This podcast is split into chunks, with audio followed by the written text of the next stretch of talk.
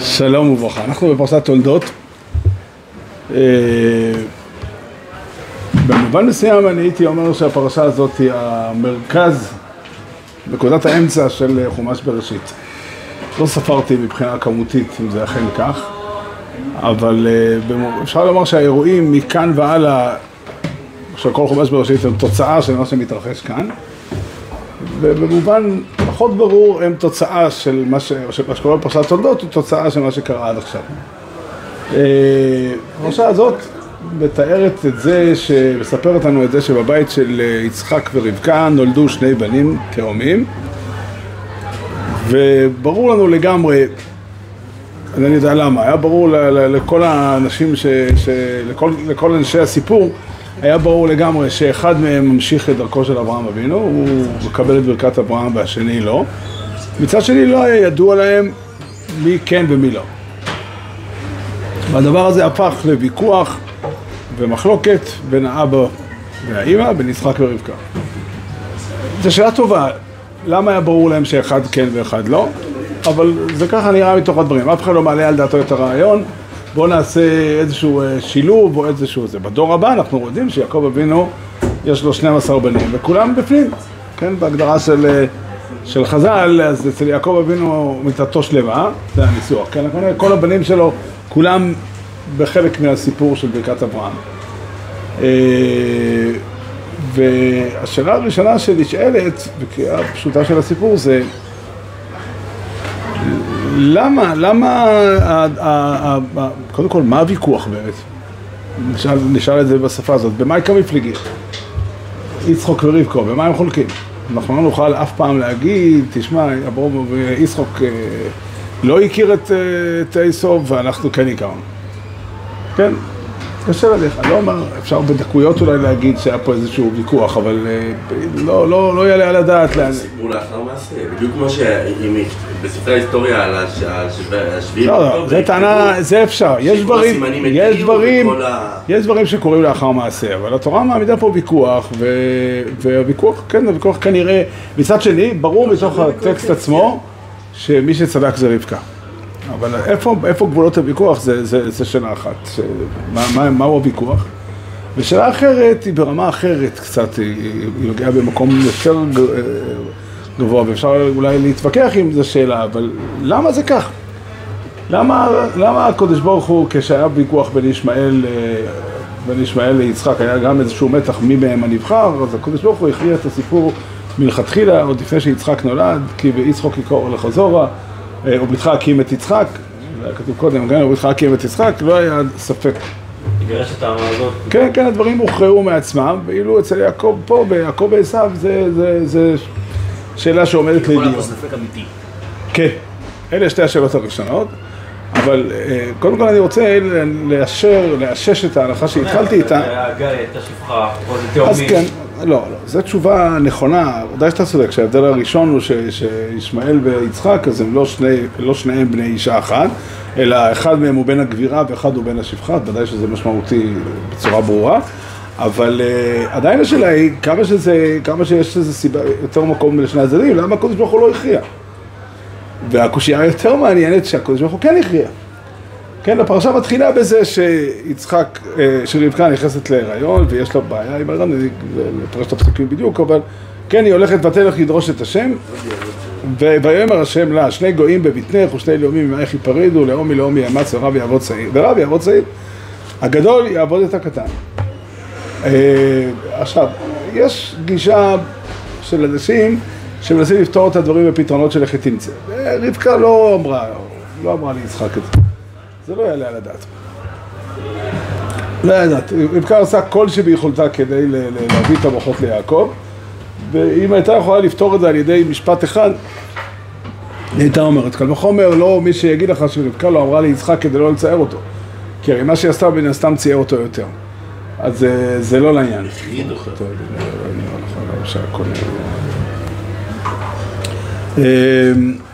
אז אני אגיד לכם באמת, אני חושב שהסיבה לכאורה, שורש הדבר הזה, שהנבואה שרבקה מקבלת, בחז"ל כתוב שהיא קיבלה את זה מבית מדרשו של שם בעבר, אז היא לא הייתה נבואת ציווי, נקרא לזה ככה. יש שתי צורות של נבואות, יש נבואות שהקדוש ברוך הוא מגיע לנביא ואומר לו תעשה כך וכך, ויש נבואות שהקדוש ברוך הוא אומר לנביא יהיה כך וכך. וכנראה שיהיה כך וכך, יצחק סבור שזה לא מחייב אותו לפעול כך. אני אומר אוקימתא, אבל זה נראה לי אוקימתא היחידה שאני יכול להבין כדי ליישב את הדבר הזה. ועומק הדבר פה הוא באמת שיש פה באמת ויכוח, ואני רוצה לנסות להגדיר מה הוויכוח פה. צד אחד של הדיון הוא בעובדה שעשו הוא הבכור. כן, ויש שתי צורות של ירושה. אנחנו מכירים בירושה של רכוש, שהסדר הנכון של הירושה הוא לחלק אותו בין היורשים, וכל אחד מקבל חלק, ויש ירושה שאין שניים יורשים. לצורך העניין, אדם שהיה בעל תפקיד, בדרך כלל זה שכיח בירושת שררה, אדם שהוא מלך, לא מחלקים את המדינה לכל הבנים שלו, וכל בן יהיה מלך וחלק מהמדינה, אלא הבן הבכור יורש. וכאשר הבן הבכור אמור לירש, וזה מסתובב כאן, זה הציור הטבעי, כן, של, אה, של אה, ברכת אברהם מגיעה לאברהם אבינו, היא עוברת ליצחק, ומיצחק היא צריכה לעבור, מסתבר לבן הבכור שלו. סבור יצ- יצחק שתפקידו וחובתו הוא לתת את הברכות לבנו הבכור, ולא לבקר את, בן, את הבן השני על הבן הראשון. זה בשביל מישור ראשון. עדיין מיד תקפצו ותשאלו, הרי זה לא מדויק, כי הרי יעקב אבינו כבר קנה את הבכורה. אגב, זה יכול? להיות, שזה- אה. זה יצחק לא ידע. אני, לא המילים אני לא הסיבה? ידע, לא רלוונטיים לכאן. רבקה ידע את זה? לא? יעקב ידע את זה? כן. סביר להניח, כן? למה הוא לא אמר את זה לרבקה? הוא אמר את זה, אם היה צריך? יכול להיות שזה היה מוכחש אם הוא היה מספר את זה. עשב היה אומר אחרת, ולך ת... אתה אומר, לא היה על זה עדים, לא היה על זה. עדים.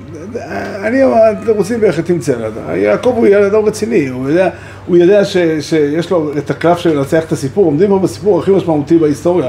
כן, הולכים להחליט מי יחזיק את, ה, את, ה, את, את, את, את הכיוון העיקרי של ההיסטוריה, ואתה אומר, לא, היה, מישהו שכח לספר, היה איזה נייר שכתוב עליו, ובטח כתבו את הדבר היום, החתימו עדים על, על המחיר, סתם אני מצייר ציור דמיוני, ויעקב אבינו שכח את זה באיזה מקום, וזה לאבד לו. תראה, הוא אומנם היה תם, אבל לא עד כדי כך בשביל... אה.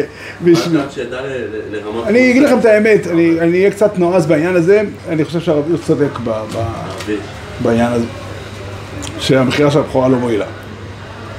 כולם מבינים שהיא לא מועילה, רק שהתורה מספרת אותה, הקושי אם ככה, למה היא מספרת אותה? הקושי, הסיבה שהתורה מספרת אותה כדי ללמד אותנו את היחס של עשיו לבכורה. וזה בעצם הסיבה העמוקה שעשיו הפסיד את הבכורה. זה צריך לדעת כלל גדול בחיים, שעבירות לא גורמות לאדם להפסיד, עבירות גורמות לאדם לשלם מחיר, אבל לא להפסיד את, את, ה- את המקום הגבוה שלו. כן? הדבר שגורם לאדם להפסיד את הברכה זה ואיבד עשיו את הבכורה. זאת אומרת, אם אדם אה, קיבל, קיבל מתנה גדולה והוא בז לה, אין טעם להשאיר את זה אצלו. זה שאדם עבר עבירות ומגיע לו עונש, כן? איך אומר הקדוש ברוך הוא לדוד המלך, אומר לו, ויסרתיך בשבט אנשים ובנגעי בני אדם. אם אה, בניך יחטאו, אז הם יקבלו עונש, אין אדם פטור מעונש על העבירות שלו. אבל, אבל העונש לא יהיה לקחת מהם את המלוכה, אלא במחלות אנושיות, בנגעי בני אדם. אה, כן, כי... הוא כן לקחו ממנו את ה- מי? הסיפור של ההיסטוריה, ממי? כן, אז אני אומר, הסיבה היא בגלל את הבכורה. לא רצה את זה. ולכן התורה מספרת את זה, אבל אני לא יודע. זה קשה, בדבר הזה אנחנו קצת דחוקים. אבל אני רוצה להגיד, מה שהסברתי הוא בסדר ומסביר למה יצחק סבור שתפקידו לברך ולתת את הברכות ל- ל- לעשיו. אבל אני חושב שיש פה עוד דבר נוסף, והתורה מספרת על התכונות של יעקב ועשיו. ומתוך התכונות האלה, התורה יוצא, ככה זה מופיע בתורה באופן ישיר, זאת אומרת בהקשר ממש. בפסוק כ"ז, כ"ה, פסוק כ"ז, כתוב- כתובים התכונות, ויגדלו הנערים ויהי עשיו איש יודע ציד איש שדה ויעקב איש תם יושב אוהלים, והיה ביצחק את עשיו ציד בפיו, ורבקה אוהבת את יעקב. אז אה, כתוב פה שהסיבה שיצחק אוהב את עשיו זה לא כי הוא בכור, אלא כי ציד בפיו, ובהמשך אנחנו מוצאים שהתכונה השנייה של עשיו הייתה ברקע של. של הברכות, כן? כי מתי משתכנע יצחק כשהוא צריך לברך אכן את זה שעומד בפניו? אז כך כתוב, וירח את ריח בגדיו, בגדיו, רק ירח שדה, כן? אז זה מזכיר לו שעשיו הוא איש שדה, ו- והוא אומר, ערך בני כערך שדה אשר ברכו השם. זאת אומרת, בעצם יעקב, ליצחק יש עמדה שהוא אוהב איש יודע ציד, איש שדה, ו- ו- ואילו רבקה, לא צריך תירוץ למה רבקה אוהבת את יעקב, התורה אומרת את זה בפשטות, ורבקה אוהבת את יעקב בלי סיבה, אבל גם מצטרף לזה שהוא איש טעם יושב אוהלים. עכשיו, מה הנקודה פה? אני מציע הצעה כזאת. ההצעה הזאת באמת שמעתי, שמעתי אותה גם במבנה קצת שונה, שמעתי אותה ממורי ורבי רב לייב, ויש עוד מרבותינו שאמרו אותה באופן חלקי או ברמז. אה, אני חושב ש... ש, ש ה- ה- הדבר שעליו מדובר, מה שנקרא ברכת אברהם, ברכת אברהם, זה, זה בעצם השליחות לתקן את העולם כולו. להפוך את העולם מעולם ריק לעולם שיש בו נוכחות אלוקית, עולם שמבוסס ומיוסד על ערכים אלוקיים של אמת, דין ושלום, חסד, צדקה ומשפט וכן הלאה. הדבר הזה דורש שני דברים, דורש נאמנות לערכים, דורש אה, הערה חזקה, נקרא לזה ככה, ודורש כלים. הכלל והחוק בעולמנו, שתמיד האור, האורות חלים בעולם על ידי הכלים. רגילים לצטט את הפסוק בירמיהו, אל יתענה לחכם בחוכמתו, אל יתענה לגיבור בגבורתו, אל יתענה לעשיר ביושרו. למה לא? שאלתי המון אנשים את השאלה הזאת. רובם עונים את התשובה כי אלה מתנות מהשם. זאת לא תשובה. כי אם ככה, קודם כל זה לא מדויק, כי אנשים שיש להם כסף או חוכמה או כוח, בדרך כלל עבדו על זה. ועבדו על זה קשה. או. כי הוא נותן לך כוח לעשות חי? אז אם ככה גם השכל וידע אותי אדם צריך אה, שהשם ייתן לו. לא הוא צריך לעבוד, וצריך, אדם שמוגבל בשכלו, מפגר, לא יגיע להשכל וידע מה אותי. ההגדרה של להתעלל? הגדרה של התעלל, לא כל דבר צריך הגדרה. מה זה להתעלל? התעלל זה ל- ל- להרגיש שיש לי משהו חשוב, שאני יכול להגיד, וואי, איזה יופי, עשיתי משהו גדול. אבל להרגיש אפשר. אין לזה ערך, אה, אדם יכול להרגיש, לא אדם- להציע. אין איסור על פי החוק, ודאי לא במדינה דמוקרטית להרגיש מה שאתה רוצה. אני יכול להרגיש, תשמע, איך אני גדול וחזק, שיש לי אה, למה, הגאווה שלי מטורפת. 70 שערות, אה, כך וכך שערות. אל יתן, הנביא בא ומציג עולם ערכים, ואומר, חוכמה, גבורה ועשירות הם לא ערכים. התיעוב שבגאווה הוא לא גם בתחושה פנימית, חייב להיות במעשה חיצוני. לא, לא מעניין אותי כרגע.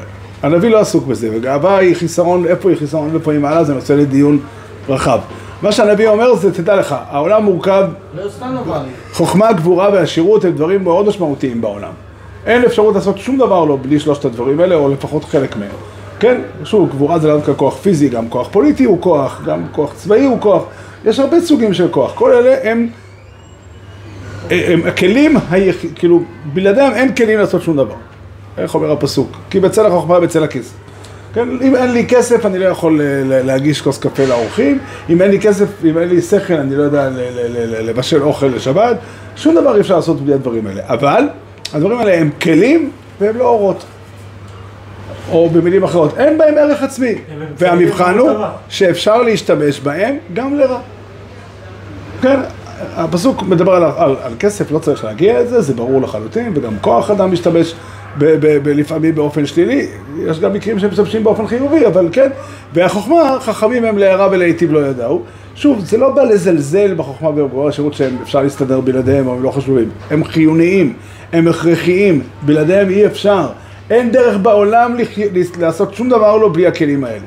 אבל הכלים האלה לכשעצמם, הם חסרי ערך. הדילמה הזו היא לא דילמה... לא חסר ערך אמון לעצמו. לא הבנתי. מה בעולם הוא לא חסר ערך אמון לעצמו? ידיעת השם. הדבר הטוב, ידיעת השם והערכים גם האלוקיים. כל החומר, כל החומר אם בזאת. הוא חסר ערך אמונו. כל החומר. אם הוא לא משוייך לקדוש ברוך הוא? לא כלום. עוד פעם, החיים הם דבר נכון וטוב. והחיים הם, הם, הם הקדושה בעצמה. מהחיים יוצאים כל הערכים האלוקיים שהם שלום, אמת, חסד. עץ יש ערך בלי שמשייכים אותו לקדוש ברוך הוא? לא, לא, אני לא, המילה משייכים אותו לקדוש ברוך הוא היא מילה מאוד מאוד, מה פירוש משייכים אותו לקדוש ברוך הוא? הוא שייך לקדוש ברוך הוא. התשובה היא, התשובה היא שהדבר היחידי בעל ערך בעולם זה בני אדם. כי בני אדם יש להם משמעות מוסרית, יש להם בחירה ולכן הם עושים מעשים מוסריים. העץ והנמר והאריה והנחש לא עושים מעשים מוסריים או לא מוסריים, כי אין להם בחירה. והמעשים המוסריים של האדם, המוסריות של האדם היא הדבר הנכון. מה מוסרי בעולם? יש אמת. יש, הקדוש ברוך הוא הציב בעולם ערכים אמיתיים, ומי שפועל לפי הערכים האלה, בתוך דבקות בהשם, בתוך דבקות בערכיו, הוא, הוא, הוא, אה, לצורך העניין, אני מפרש את הפסוק הלאה. השכל וידע אותי, שאל השואל, מה אני צריך לדעת על אלוקים? שיש לו חוכמה גבורה ועשירות? לא, זה גם עוד פעם, כלים ולא, זה לא בעל ערך. מי שמשבח את הקדוש ברוך הוא שהוא חכם, או שיש לו כוח, או שהוא כל יכול, זה חסר משמעות. אנחנו אומרים את זה כל אז רק פעם, הפסוקים ב- משבחים את משה רבנו שהוא גיבור, ומשבחים את... את- גם את השם, אנחנו אומרים הגדול, הגיבור והנורא. אני מצטט, אני עכשיו, אתה מצטט דברים ואני טוען טענות. אתה רוצה, תצטרך להתיישב את הקושיות. התשובה האמיתית היא זו, התשובה האמיתית היא זו, שהחוכמה והגבורה והשירות הם שווים מיליונים כסף, כן? הם בעלי ערך עצום כשהם משמשים למטרות הטובות. כן, אבל אה, חשוב להבין שעצם הכוח, כן, לא מרשים. לא מרשים. עכשיו, טבעו של עולם והדבר הזה הוא שור... מרשים או לא נכון? לא, לא נכון, לא, מה זה לא נכון? מה שייך פה לא נכון? האדם מגיע להישגים גדולים בכל תחום, הוא- השקיע מעצמו. משל למה הדבר דומה? תבוא אליי הביתה בשעת לילה מאוחרת, תגיד לי אני רעב וצמא, אני אגיד לך, תשמע, אוכל קשה לי לתת לך. קח כלים. כוסות, צלחות, מזלגות, לאבזר אותו. בשפע. מה, למה זה דומה? החוכמה והגבורה והשירות הם כלים לעשות איתם דברים. נכון, אומר, אבל... אין לזה ערך. ולכן, לכן, להשיג אומר. אומר, המבחן של הדבר הזה, מה זה השגתי? מה עסקתי? תאר לעצמך באמת שעבדתי קשה מאוד והשגתי כלים. והשקעתי את כל כוחי, ובסוף הכלים לא, לא חשבתי על הרעיון, לאן הכלים הולכים. כן? לימדתי לצורך העניין רפואה אנשים, ידע חשוב ומשמעותי, והם משתמשים איתו בשביל לה- לה- להרוג אנשים בדרך הכי יעילה והכי קצרה, לחסוך בנשק. כן, לדעת לכוון את הרובה טוב כדי להרוג אותם טוב. בסופו של דבר, וזה כמעט אחד המסרים הכי משמעותיים בתנ"ך, טבעו של אדם שהוא מעריץ את הכלים. זה אחת החולשות של אדם. דרך אגב, הסיבה שאדם מעריץ את הכלים היא בגלל שבראש שלו הם מחוברים עם המטרות שאפשר להגיע אליהן. כן, אף אחד לא באמת מעריץ אדם שהוא חכם להערה. אבל, אבל אחרי שהתרגלנו להעריץ את החוכמה, אז אנחנו לפעמים מייחסים את ה... אני מרגיש את זה אצל עצמי, קורה לפעמים שאתה שומע שראובן אומר בדיחה על חשבון שמעון, ואז אני מרגיש שתי קולות, שני קולות בתוך הלב. כל אחד אומר, וואי, איזה רע, לא, זה טוב. אתה, לא, אתה קרוע בתוך עצמך מליהנות מה... תשמע, זה היה חזק, אי אפשר להכחיש. כן, אומר הפסוק, אומר הנביא, אומר הנביא ירמיהו ואומר התנ"ך כולו. תדע לך, הכוחות הללו, הכישרון, ההברקה, הם נועדו בשביל לעשות את הדברים טובים. אתה עושה עם זה דברים רעים, זה חסר ערך. משל למה הדבר דומה? כן, הבאתי לך כלים מכסף, מזהב וכולי וכולי, ומילאנו אותם השפעה. אין ערך, זה הכל. מי ש... אחרי שעשו איתם את הדברים טובים, אז הם נשארו בעלי ערך, נכון? כן, זאת אומרת, זה נותן... עוד פעם, רק אם הם עדיין עומדים. רק אם הם עדיין עומדים בשירות המטרה. ברגע שבו בן אדם לומד להריץ, אז. אני אומר את זה, חטא עץ הדעת, לא הנשמה, אני לא יודע מה זה גוף, אני לא יודע להפריד בין הגוף לנשמה. למה? הגוף הוא כלי גם. הגוף, אני מסכים שהגוף הוא כלי, אבל החיים הם נשמה וגוף ביחד. ההפרדה היא, דבר מלאכותי והוא גזרה רעה. הקדוש ברוך הוא ברא את האדם נשמה וגוף ביחד, והם צריכים להיות תמיד נשמה וגוף ביחד. המוות הוא גזרה רעה שנגזרה בגלל איזה חטא, והוא דבר זמני, אנחנו אמורים לקום חטא המתים, ונשמה וגוף אמורים להיות ביחד תמיד. כל הפרדה בין נשמה לגוף היא פגם... שנה בגלל... לא, להגיד שמה זה- כרגע זה שני דברים. לא, בתוך... אני לא... מה זה עצמם? אין הפרדה באמת יותר גוף, זה הפרדה תיאורטית. הפרדה תיאורטית, אין דרך בעולם, אתה לוקח אותי לנושא אחר, אבל אין דרך בעולם לתפוס את הנשמה לבד. אין דרך בעולם לתפוס את הנשמה לבד. לא, לא, לא, זה לא רק זה. בגדול, רוב הכלים בעולם, רוב הכלים שיש בעולם, הם מבוססים על חוכמה גבורה ועשירות. אבל אתה צודק שיש עוד כלים, אה, יכולים להיות עוד כלים. נכון. יופי זה כלי, יופי זה כלי, וגם אה, זה. עוד פעם, לא, יופי הוא לא ערך. יופי הוא לא ערך, וחוכמה היא לא ערך, וגבורה היא לא ערך. אבל חוכמה וגבורה ועשירות, אפשר להשתמש בהם למען הערכים האמיתיים. אי אפשר לה- להגיד, לא. לא, החיים הם לא ערכים, החיים זה, הערכים הם החיים. החיים זה הערכים.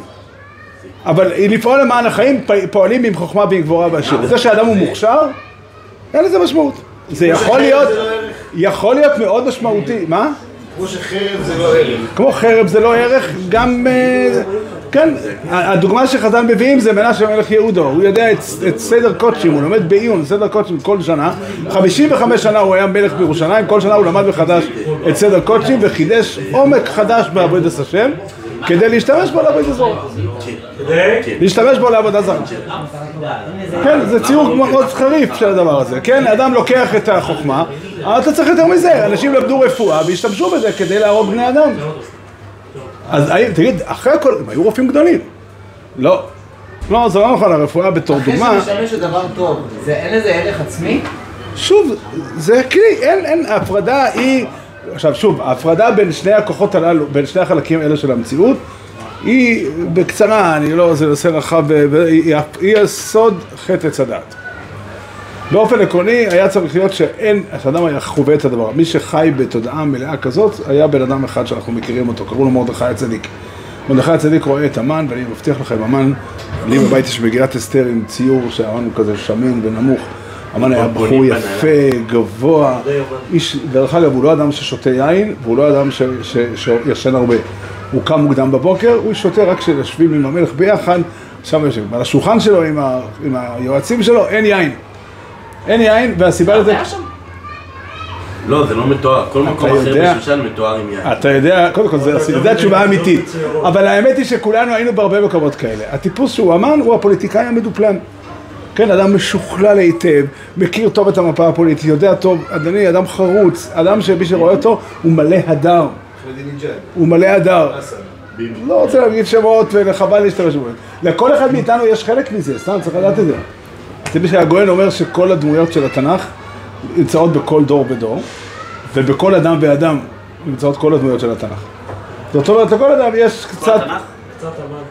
אתה יודע, אתה עכשיו שואל אותי האם אה, לא. פדאל, אה, אם גמליאל בן פדצור, אני לא יודע, לא יודע איך... יש לבנות צלופחד. מה? לא צלפחד יש, לא צלפחד יש. חכמניות היו, יש משהו, יש בך משהו כזה. עשהאל, עשהאל. לא יודע, אה, הרעיון הוא מאוד מאוד ברור. הרעיון שהסיפורים של התנ"ך הם לא סתם סיפורים, אלא הם סיפורים טיפולוגיים, סיפורים מהותיים. ויש בן אדם, ומרדכי עומד מול הדבר הזה, אין לו טיפה כבוד לאמן. כיוון שהחוכמה של אמן והכוח הפוליטי הם, מנצלים לרע, אז זה לא עובד טוב. אבל בבית של יצחק אבינו קרה טרגדיה. נולדו שני בנים, תאומים, שהאורות והכלים היו מחולקים ביניהם. ברור לחלוטין שהתוכנית שאותה אברהם אבינו צריך לעשות, ברכת אברהם, לא יכולה לצאת לפועל, לא על ידי יעקב ולא על ידי עשיו. אף אחד מהם לבדו לא יכול לעשות את התוכנית. למה? אם מדברים על, על, שני אחים כאנשים בפני עצמם, ודאי שיעקב היה זוכה לאהדה יותר גדולה גם מיצחק. אבל כיוון שהתוכנית היא להקים בעולם, להקים מה שנקרא אומה יודעת את השם, כלשון הרמב"ם, או ממלכת כהנים וגוי קדוש, כן, וכן הלאה, אז ממילא אין כוח לקחת בן אדם שהוא איש טעם יושב באוהלים, אדם שאין לו כלים, אין לו, אין לו את הכלים, הוא לא יודע לעסוק בהם, הוא לא מכיר את הכלים האלה, ולכן אין טעם לעסוק איתו. אומר יצחק אבינו, הפתרון היחידי הוא לקחת את עשיו.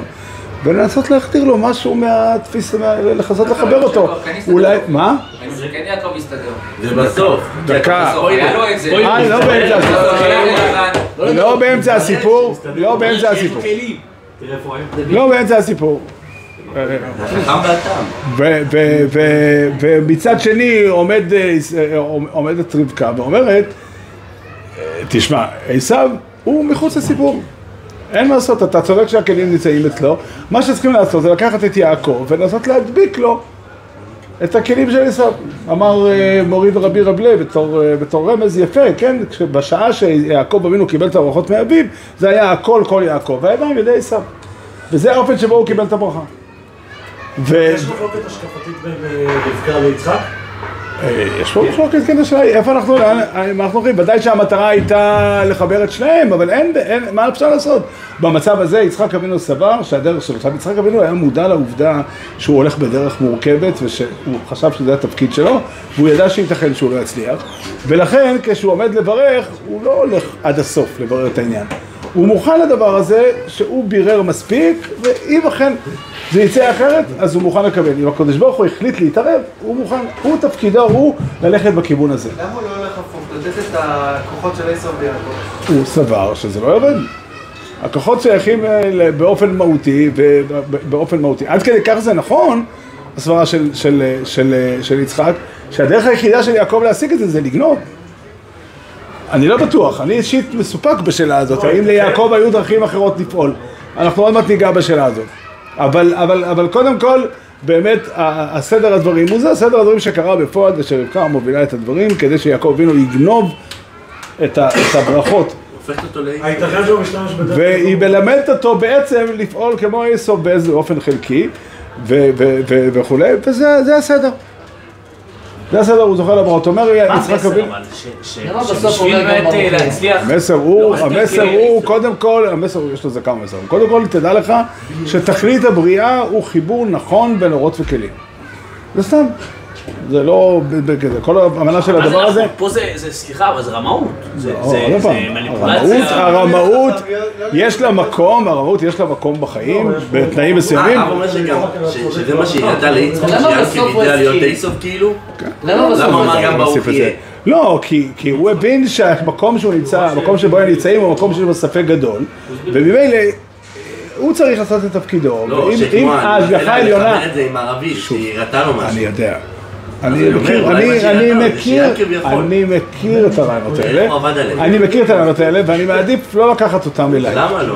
כי אני אומר לך, אני מעדיף לזה, יצחק אבינו נמצא במקום מסוים. אם, אם יצחק אבינו היה מתכוון לברך את עשיו, וסבור לחלוטין לגמרי שעשיו עומד לפניו, ולא היה לו צל של ספק בכלל, ובטעות היה מתגייר שם יעקב, ככל הנראה, התשובה הייתה שהברכות לא היו חלות על יעקב. אמר בסוף, גם ברוך יהיה. למה ככה? בגלל שהוא היה מודע היטב לדבר הזה שיש פה ספק, ומודע לזה שייתכן שהקדוש ברוך הוא מתגבר עליו ומוצא את הדרך להוביל את הדברים. והוא מוכן לדבר הזה. הוא מוכן לתת, הוא מבין שבסופו של דבר העמדה שלו היא עמדה שאפשר להעיר עליה, אפשר להתווכח עליה, ולכן הוא הולך, הוא עושה את חובתו, הוא עושה את ה... חובתו? הוא לא הבין שהכל כל יעקב? הוא בירר את העניין. במידה שהוא בירר, ואז הוא רואה שהריח הוא ריח של עשיו. למה ברור, זה- זה למה ברור, גם- לא, לא. ברור, גם ליעקב, גם ל- גם ליצחק ואומר שמי שיש לו את הבגדים של גן עדן, אז הוא מייצג את ה... לא, זה לא, ודאי לא הפשט. ודאי לא, אתה, לוקח פה רמז. הרמז הוא רמז נכון ויפה, אבל זה ודאי לא הפשט. הוא חשב שזה אומר שזה עשיו, הריח שלו ריח שדה, וגם, אתה צודק בזה שכתוב בפסוק, כי ריח שדה אשר ברכו השם. כתובה פה גם הסיבה למה יצחק אבינו אוהב את איש שדה. איש שדה הוא איש שחי עם הברכה, חי עם המקום שבו יש שפע בעולם, שפע, שפע של ברכה. השדה משקף את ברכה. כן. אז אז שוב זה כביכול לתפוס את הטפל, לא? לא, טפל. איפה שיש ברכה, שם השם נמצא.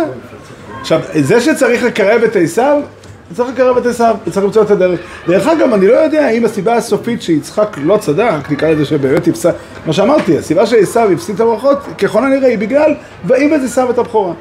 וזו הסיבה שמתי עשיו מקבל בכל אופן משהו? כשהוא בוכה. כשהוא בוכה זה אומר שהוא לא לגמרי בז לברכות, לבכורה ולברכות. ואם ככה מגיע לו משהו. כן, יש לו זכות טענה. הרב, מה ששאלתי, שבסוף יעקב כן אה, ראינו שהוא הסתדר? התשובה היא שיעקב למד בדרך מורכבת לקחת את הכוחות של עשיו. דורשי רשומות דרשו שכשכתוב בחז"ל שהיו הבריות אומרים הגדולה לגדול והקטנה לקטן, אז לא סתם דיברו, ובאמת לאה היא מתאימה לעשיו, ורחל מתאימה ליעקב, ויעקב אבינו מקבל עוד פעם בגניבה שימו לב, אותו דבר, כמו שהוא בא, אפשר אה, להסתכל על זה בכמה אופנים, אבל אותו. בסדר, כן, זה הסדר, זה הסדר, יש את מה שהוא מקבל. עכשיו, אם הוא היה מתחתן רק עם רחל, לא היה לו ילדים בכלל. כן, הסיבה שרחל נולד, נולדו לה ילדים זה בגלל אה, נפתולי אלוקים נפתלתי עם אחותי גם יכולתי. זאת אומרת ש, שבאופן עמוק, עד כדי כך התפיסה של יצחק יש בצדק, שאין, אין, המלאך של יעקב, אין לו סיכוי. זה הסיפור, ובגלל שהדברים היו בצורה כזאת, התוצאה הסופית היא שיעקב זכה בברכות, אבל, והיה כאשר תריד, ופרקת הוא לא מעל צוואריך. בכל רגע, הפירוש של מילה תריד אפשר לפרש כמה אופנים, ואני לא יודע פירוש מוחלט. אבל מה שברור הוא שהכוונה היא שיש מצב שבו יעקב אבינו, שקיבל את הברכות, מפסיד אותם שוב. וזה, או כשעם ישראל חוטא ויורדים, אה, והם יורדים, כאילו, הם יורדים מגדולתם, ואז עשיו זוכר, זוכר שוב, יארי. לא יודע. לא יודע, פחות בוער לי. פחות בוער לי. פחות בוער לי. איך אתה מסביר את הקיצון הזה? ואיך רב יצחק יצא... לא, ודאי חרד חרדה גדולה. ודאי שהוא חרד חרדה גדולה, כי הוא הבין היטב שהוא הלך במהלך שנים רבות, והמהלך הזה, מהלך בנושא מהותי מאוד וקריטי מאוד, והמהלך הזה פתאום התברר שהוא לא עובד, ידע. שהוא לא נכון. אה. הוא הבין שהוא בירר את הספק מספיק בשביל לעשות את יכול החוק. להיות הגיוני שעשו יש לו קול של יעקב? אתה שואל שאלות במקום שאני לא יודע לענות לך. אדם נמצא בסיטואציה מסוימת, הוא יודע שהוא דיבר עם אחד מהם, לא עלה בדעתו הרעיון שמישהו שמע, או כן עלה בדעתו, אני לא יודע, לא חשב על האפשרות הזאת. הוא בדק, בדק פעם ראשונה, בדק פעם שנייה, הריח את הריח של הבן שלו, לא יודע. לא יודע. ידע שיכול להיות שאני טועה, עד כמה שידי משגת, זה תפקידי. זה חובתי, זה הסיפור. לא.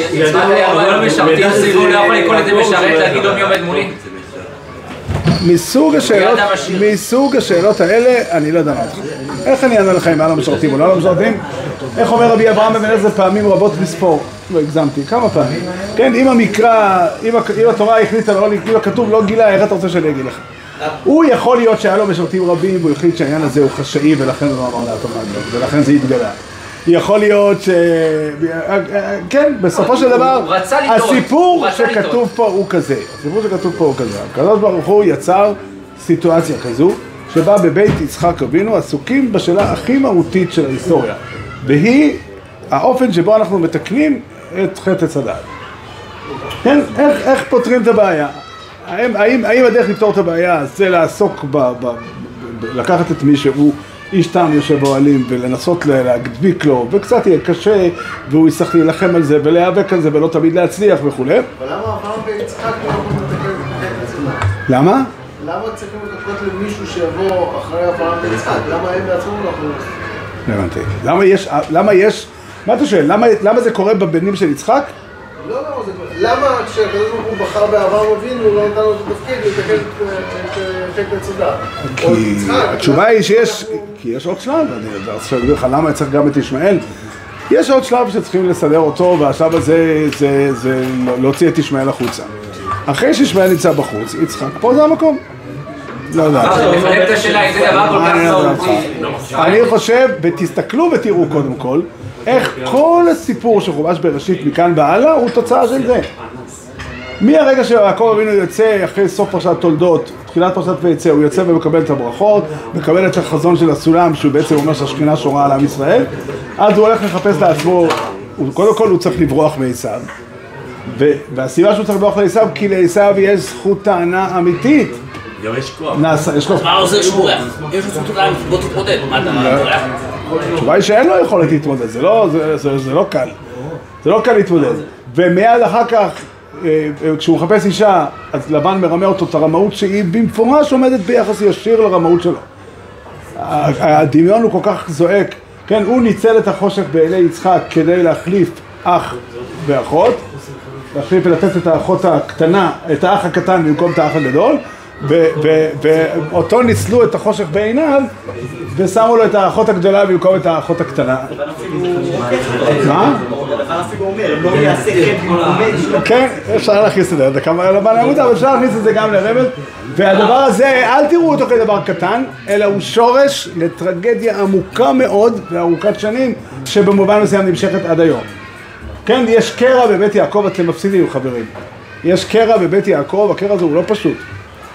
רק בשביל להמחיש, יש סיפור מדהים, מדהים שהתורה מספרת אותו, אנחנו לא שמים לב אליו. התורה מספרת. התורה מספרת, אני קצת גולה בפרשת ויצא, אנחנו נעסוק בזה בהרחבה בשבוע הבא. אבל התורה מספרת שראובן מגיע, אה, אה, מגיע עם הדודאים מהשדה, ו- ו- ורחל מאוד מאוד רוצה את הדודאים, כי, כי רחל אין ילדים וכולי, והדודאים אה, יש להם איזושהי יכולת ל- ל- לגרום לזה וכולי, ואז רחל ולאה מסכמים ביניהם איפה יעקב אבינו יהיה בלילה, והוא אין לו יכולת להביע עמדה.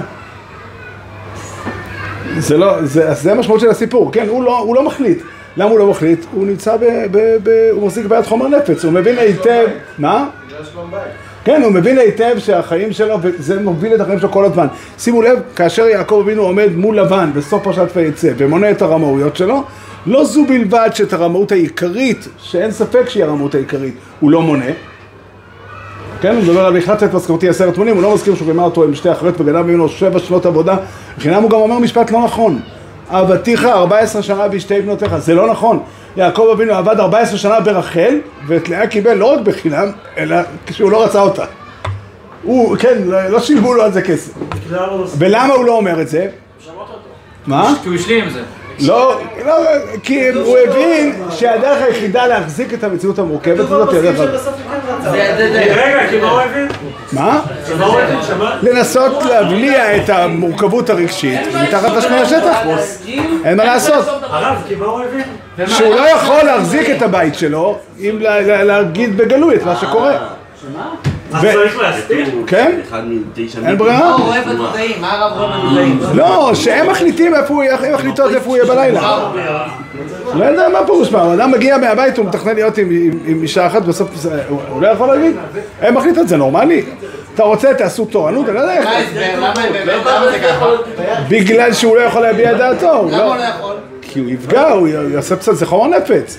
והחומר נפץ זה מתגלגל במריבה בין, יוסף ואחיו כבלי ספק, ומכירת יוסף מגיעה בגלל זה, וכולי, וגלות מצרים היא התפתחות של הדבר הזה. כל החיים של יעקב, עד נבואת יחזקאל של ויהיו לאחדים בידיך ולחבר את עץ אפרים ועץ עץ, אה, עץ דוד, עץ יהודה, עד אז הקרע הזה נמצא.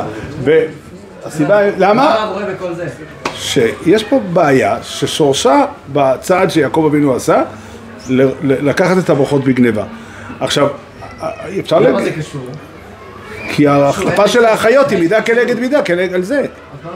ההחלפה של האחיות היא לגמרי בקב- מידה כנגד מידה בגלל זה. על מה, על הגניבה? כן, לא, מה זה תראה כמה זה אותו דבר. הוא מחליף, מחליף אח באחיו אצל אבא שלו, כי אבא שלו לא רואה, ואז ניסו להחליף אחות באחותה אצלו, כי שהוא לא ראה. זה סתם, אה, זה כתוב בחז"ל? גם כתוב בחז"ל. ולכן מה? זה, זאת אומרת שזה, האופן, זה מידה כנגד מידה בעצם. זאת אומרת זה, שזה היה בעייתי. כן, אני לא חושב שזה צריך, זה פשוט שזה היה בעייתי, אני אגיד לכם עוד פסוק אחד, חריף מאוד, שאני כל שנה מחדש בהפטרת תשעה באב שומע את הפסוק הזה והוא מעביר בצמרמורת. הנביא ירמיהו עסוק בלהסביר את עם ישראל בשנים הקשות של לפני החורבן, שהמצב היה באמת רע, ואז הוא אומר, כל אח עקוב יעקב. אני לא יודע אם הוא התכוון לזה לא, אני בכמעט כל תשעה באב זה מעביר בצמרמורת. מה הכוונה? האם הוא רומז ליעקב? שרימה את אחיו. הוא לא רומז. הוא רומז, זה לא- לא- זה לא פשט שם בהחלט. אבל על כל פנים, וכל זה היה, צריך לדון בנפרד האם זה היה, אם זה היה לגיטימי או לא לגיטימי, נדון בזה שבוע הבא, אבל, אבל גם אם נגיד שזה לגיטימי, יש לזה צעד עם מחיר. ואם אנחנו שואלים באופן כללי למה יש לנו סיפור עם עשיו לאורך כל הדורות, התשובה היא יש לעשיו זכות טענה. בסדר. אולי גם עוד משפט אחד, הרמב"ן אומר שישמעאל יכול לעשות לנו רע, כי יש לו זכות טענה עלינו, כי ותענה עשרה. אבל לא הבנתי, יצחק ידע שזה יעקב, לא כי אם הוא לא ידע שזה יעקב, הוא חשב שזה עשיו, איך זה חל באמת? התשובה היא, התשובה היא, הוא ידע, הוא ידע שזה יכול מה להיות לא העומק של. מידת הדין הזאת? זה להיות יעקב. זכות טענה בגלל בטענה עשרה, זה לא... זה- זה- איזה איך המילה. אפשר להכיל כזה מידת הדין? מה?